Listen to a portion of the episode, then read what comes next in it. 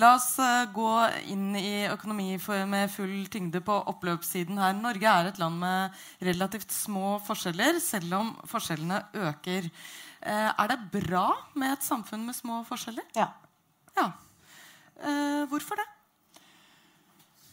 Fordi det skaper mindre konflikt mellom grupper i et samfunn. Eh, og vi har jo Det tror jeg det har vært ganske bred enighet om også. At vi skal ha mange av de virkemidlene som bidrar til at Norge er såpass homogen som vi faktisk er.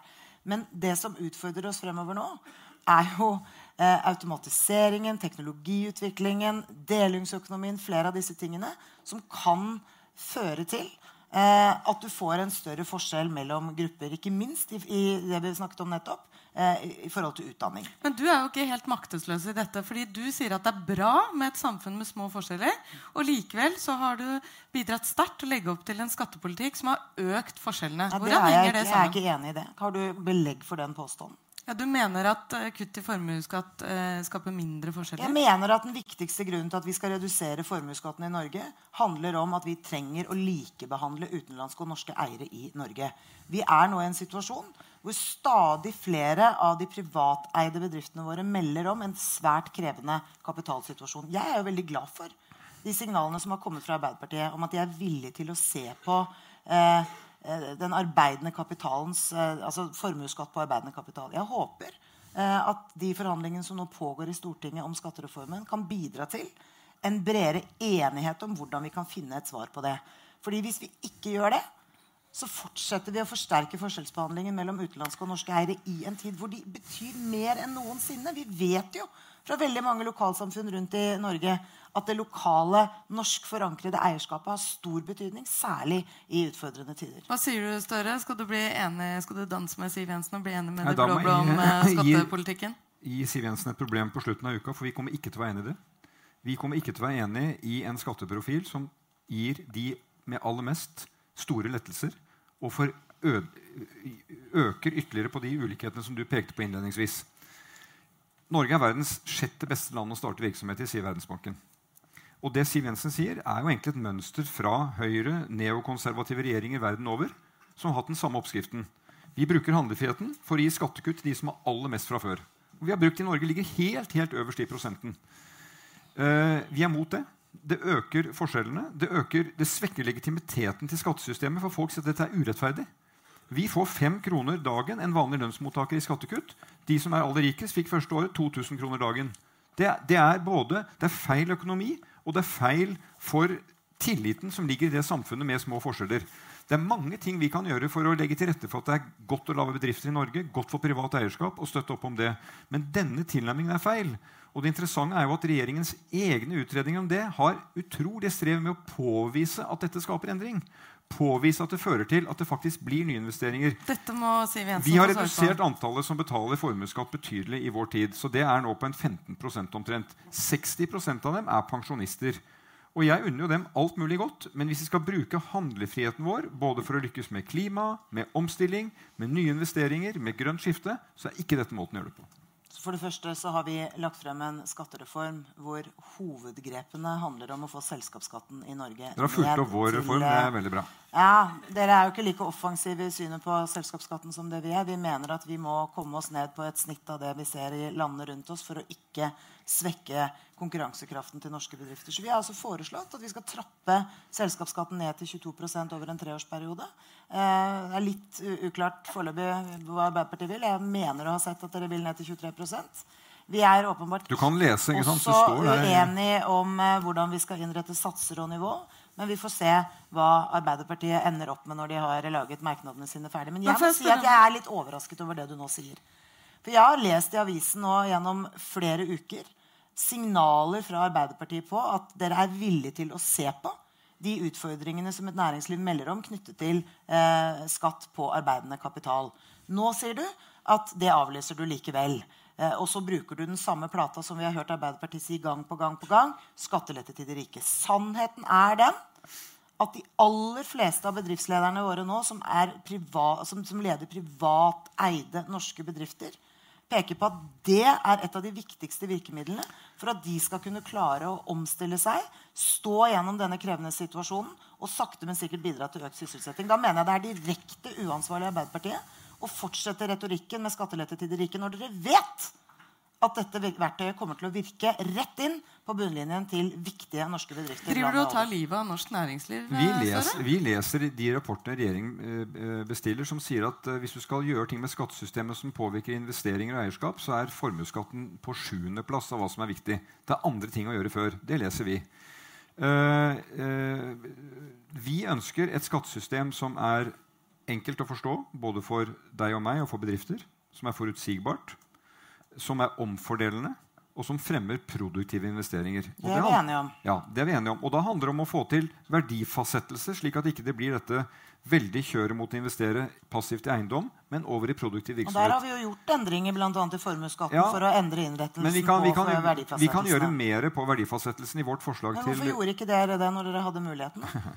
Nå, jeg, jeg, igjen sier at Norge er et bra land å lage bedrifter i. Siv Jensen. Vi er det sjette beste landet. Det ble skapt 350 000 nye arbeidsplasser på vår vakt midt i en finanskrise. To av tre i privat sektor.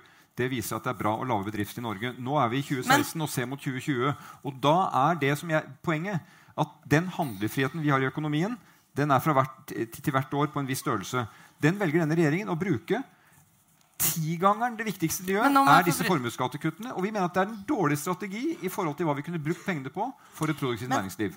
En stor forskjell på tilnærming på dette mellom Arbeiderpartiet og Fremskrittspartiet er at vi mener jo at det er bedre å la bedriftene få beholde mer av sin egen verdiskap, slik at de kan, eh, verdiskaping, slik at de kan reinvestere den, styrke bedriften, omstille den, skape flere arbeidsplasser. Dere mener at det da er bedre å først ta pengene ut av bedriften, for så å gi det tilbake igjen. Men det finnes, men finnes det helt uh, altså For dette sier jo bedriftene at det er sånn de ønsker det. Men, uh, men eh, har prøvd å nilese rapporter for å se at uh, disse pengene som blir gitt i formuesskattelette, reelt sett faktisk ender der du sier. Men det beste svaret på det er jo å se på hva mange andre land gjør i forhold til formuesskatt. Norge Ja, men er De jo har en- mye større ulikhet og Ja, veldig men rike Norge er jo i en særstilling. Eh, og det mener jeg ikke positivt når det gjelder eh, formuesskatt. Det er nesten ingen land igjen i verden som velger å skattlegge bedriftene sine Nei, på den måten. men- fordi de mener det er positivt. Men- Men jeg må bare jeg kort få spørre deg om noe. Fordi Da eh, regjeringen la opp til dette ganske offensive skatteløpet, så snakket du ganske mye om de dynamiske skatteeffektene som dette ville skape. Så jeg lurer på åssen går det med de? De dynamiske Ja, da må vi i grunnen få vedtatt skattereformen først, da, før vi kan begynne å måle, måle Ja, men Skulle ikke de komme og sa kuttene i formuesskatten? Men det er altså sånn at Skulle de ikke det? Det er altså sånn at vi vet at skattekonkurranse er en, en helt avgjørende nøkkel. Hvis vi har tøffere beskatning av vårt næringsliv enn i sammenlignbare land, så flytter kapitalen dit hvor den får bedre kår. Det er helt åpenbart. Så er vi jo kommet i en situasjon eh, siden eh, sommeren 2014 hvor oljeprisen mer enn hal har halvert seg. 70% faktisk. Det er utfordrende, fordi det fører jo til en mye raskere slanking av olje- og gassrelatert næringsliv enn vi i alle prognoser gjennom flere vekslende regjeringer har kunnet forestille oss. Det som har vært bildet fra eh, gjennom mange år eh, nasjonalbudsjettfremskrivninger, har jo vært at vi ville nå en topp, og så ville vi sakte, men sikkert gå ned. At vi skulle komme til det punktet, har det ikke vært så veldig stor uenighet om. Men at nedgangen nå blir brattere, eh, skyldes jo ene og alene det kraftige fallet vi ser i oljeprisen. Det setter oss altså midlertidig på noen enorme utfordringer. Fordi vi skal altså, vi, Selv om vi kommer til å fortsette å være en betydelig olje- og gassprodusent i årene som kommer, så kommer det til å være en næring som sysselsetter færre enn det vi har sett de siste 10-15 jeg årene. Og da må vi skape de arbeidsplassene et annet sted. Og da betyr skatt noe. Fordi det handler om å ska legge til rette for at kapitalen blir investert i ny, lønnsom eh, næringsvirksomhet i Norge. Sør, sør. Altså her er histo- Siv Jensen historieforteller om det vi alle vet. Det skjer ting. Eh, om, eh, det skal skje en omstilling, og vi skal legge til rette for det. Eh, og det er vi faktisk gode til i Norge. Vi har vært kanskje det landet i Europa som har omstilt oss mest gjennom 100 år. Vi skal klare det videre fremover. Skattekonkurranse ja, det er et tema, men det er veldig vanskelig vet å sammenligne skatt for skatt. Og så skal vi på nivå med hva som er uh, landene i Europa. Vi har rundt 15% arbeidsgiveravgift i Norge. Sverige har 30 Uh, må svenskene rushe arbeidsgiveravgiften ned da? Det er helheten som teller. Hvis du tar som eier pengene dine ut og putter dem i Belgia, så er de en annen måte å, å, å beskatte kapital på. Så det er helheten vi må se etter. Men det handler jo også om hvordan vi styrer denne økonomien. Og jeg vil jo da si at uh, Siv Jensen sitter i en regjering som altså uh, tar uh, rekordbeløp ut fra oljefondet. Gir ut til engangs skatteletter, som er altså titalls milliarder i året. Så det blir mange titalls milliarder over fire år.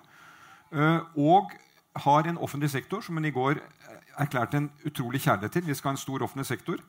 Den er blitt veldig byråkratisk under din ledelse. Uh, da vi satt i regjering, så ble vi altså stadig minnet på at det kom fire nye byråkrater hver dag på jobb i offentlig sektor. Vel, Det var et høyt tall. Under dere er det ni. Slik at her er altså en byråkratisering og en dårlig styring av offentlig økonomi og en dårlig reform av den offentlige sektoren som du nå sier du er glad i, som jeg er veldig glad i, og som jeg mener er en Det er jeg helt sikker på at du ønsker å svare på. La meg først si at Vi kommer til å fortsette å bruke mer oljepenger i norsk økonomi også i årene fremover. Eh, det er riktig, og det er helt nødvendig, særlig i den situasjonen vi er i nå. Dernest så er det sånn at jeg har hele mitt politiske virke vært opptatt av å gjøre endringer i offentlig sektor, for den trenger å bli mer effektiv. Jeg har jo aldri sagt at vi skal privatisere politiet. Politiet er en offentlig oppgave. Derfor, når vi ansetter flere politifolk, ja, så blir det flere sysselsatt i offentlig sektor. Men det er jo et ønsket, villet, aktivt politisk grep. Fordi vi trenger å få flere politifolk i gatene. Og vi trenger å nå den andelen som vi har satt oss som mål. Fordi vi har vært for dårlig bemannet. Vi er, samme, jo, men det samme på produksjon av helsetjenester, omsorgstjenester og utdanningstjenester. Jo, men ta, eh, der, der, der, der, trenger vi altså flere, og vi trenger flere lærere. Men altså, dere gjennomfører f.eks. i helsesektoren, som jeg ble godt kjent med da jeg var helseminister, eh, det såkalte frie behandlingsvalget. og der er så, det, det skal, 20% av hva det koster å gjennomføre det eh, frie behandlingsvalget, går til byråkrati til kontrollører og til folk som skal sitte og regne Men dette tror jeg er en helt kjempestor debatt som vi må komme tilbake til. Det er dårlig styring av våre felles midler. Sannheten er den at etter etter at vi tiltrådte, så har helsekøene gått ned. Hvor lange er de? Ventetidene har gått ned. Og I tillegg så har vi altså gjennomført noe av det aller viktigste trygghetsreformer. Vi skal ha med Bent Høie. De aller viktigste trygghetsreformer som vi har hatt i helsesektoren på lenge. Nemlig pakkeforløpet på kreft. 240 000. ok, Kort spørsmål til slutt, Siv Jensen. Mm. Eh, OECD hyller den Verdens økonomiske forum ser nysgjerrig på den. Den forskes på både i Norge og i hele utlandet. Syns du fortsatt at den norske modellen står i veien for det norske folk? Det jeg har vært opptatt av, er å peke på at det går an å gjøre ting i Norge på en annen måte enn man gjorde under den rød-grønne regjeringen. Og det gjør vi nå. Vi tar grep for å gjennomføre nødvendige reformer som bidrar til mer konkurranse, flere aktører og større mangfold. Det har vi gjort på transportsektoren.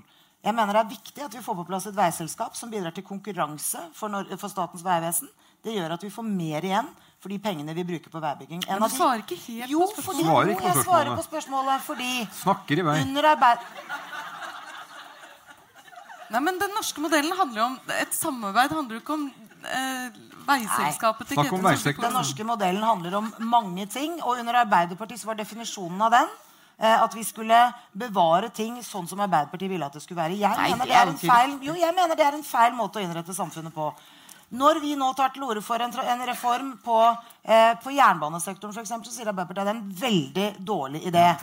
Jeg mener det er en god idé, for det bidrar til mer konkurranse og bedre eh, jernbanetjeneste for innbyggerne. Jeg er for konkurranse. Men, ja, men det er en dårlig idé, at de reformene dere gjennomfører, skaper flere byråkrater, flere direktorater, flere kontroll. Se på det organisasjonskartet over norsk eh, jernbane dere, dere, foreslår nå. Hvem i all verden ville tegne noe sånt for å lage en effektiv jernbane? Da sier jeg noe jeg ikke gjør på så veldig mange andre områder. Dra til Sveits. Se hvordan de organiserer jernbanen. Et enhetlig system. Det er dynamikk, utbygging, vedlikehold. Og det vi gjør nå, er en oppsplitting som jeg tror kommer til å gjøre det vanskelig å drive jernbane i Norge. Det vi gjør nå, er å bidra til mer konkurranse, som kommer til å være til bedre for alle de som ønsker å bruke jernbanen som fremkomstmiddel. Og med denne slags uh, nye versjonen av norske byggeklosser tror jeg vi har bygd en slags no ny uh, norsk modell, eller nordisk modell. Tusen, tusen hjertelig takk til alle fremmøtte for at dere kom. Tusen takk til uh, eh, debattantene. Finansminister og Frp-leder Siv Jensen. Arbeiderpartileder Jonas Gahr Støre. Debatter fortsatt gjerne videre på Twitter og Facebook og andre passende arenaer. Takk for i dag.